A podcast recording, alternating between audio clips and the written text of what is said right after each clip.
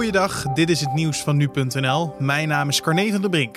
Donald Trump is sinds woensdagavond de eerste Amerikaanse president ooit tegen wie een tweede afzettingsproces zal worden gevoerd. Today, in a bipartisan way, the House demonstrated that no one is above the law, not even the President of the United States. Een meerderheid van het Huis van Afgevaardigden besloot dat Trump onderwerp van een impeachment wordt vanwege zijn rol bij de bestorming van het Capitool door zijn aanhangers. Een politieke rechtszaak in de Senaat zal volgen en wanneer die rechtszaak in de Kamer van het Congres zal beginnen is nog niet bekend. Trump heeft in een nieuwe video opnieuw de bestorming van het Capitool veroordeeld. Hij ging echter niet in op de tweede impeachment-procedure. No true supporter of mine could ever endorse political violence. No true supporter of mine could ever disrespect law enforcement or our great American flag. If you do any of these things, you are not supporting our movement, you are attacking it, and you are attacking our country. Een protest van honderden Belgen tegen de plotselinge dood van een gearresteerde 23-jarige plaatsgenoot is woensdagavond uitgemond in ongeregeldheden.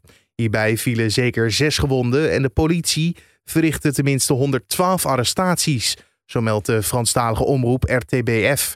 De 23-jarige Ibrahima Bari werd zaterdagavond rond 7 uur na een achtervolging door de politie gearresteerd. Hij was weggevlucht voor een controle bij station Brussel-Noord. Bij aankomst bij het politiebureau raakte hij buiten bewustzijn en hij overleed uiteindelijk in het ziekenhuis. Een speciaal team onderzoekt of de politie bij de aanhouding over de scheef is gegaan. Het aantal bijstandsontvangers is de eerste helft van vorig jaar opgelopen tot 28 op de 1000 inwoners. Dat blijkt uit cijfers van het Centraal Bureau voor de Statistiek. Hierdoor is de zogeheten bijstandsdichtheid iets toegenomen ten opzichte van een jaar eerder. Toch zit de dichtheid nog onder het niveau van 2017, toen de recessie als gevolg van de kredietcrisis zich liet voelen. De licht gestegen bijstandsdichtheid komt geheel op het konto van mannen, terwijl er bij vrouwen juist een daling was vorig jaar. Armenië en Azerbeidzjan hebben zich in de strijd om de enclave Nagorno-Karabakh schuldig gemaakt aan het herhaaldelijk gebruiken van willekeurig geweld tegen burgers. Dat stelt Amnesty International in een rapport.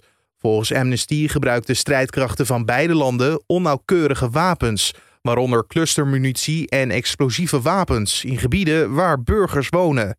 Hiermee hebben zij het internationaal recht geschonden, zo stelt de mensenrechtenorganisatie. Beide landen ontkennen onnauwkeurige wapens te hebben gebruikt. Ook stellen de autoriteiten van de landen dat zij geen willekeurige aanvallen op burgergebieden hebben uitgevoerd. En tot zover de nieuwsupdate van nu.nl.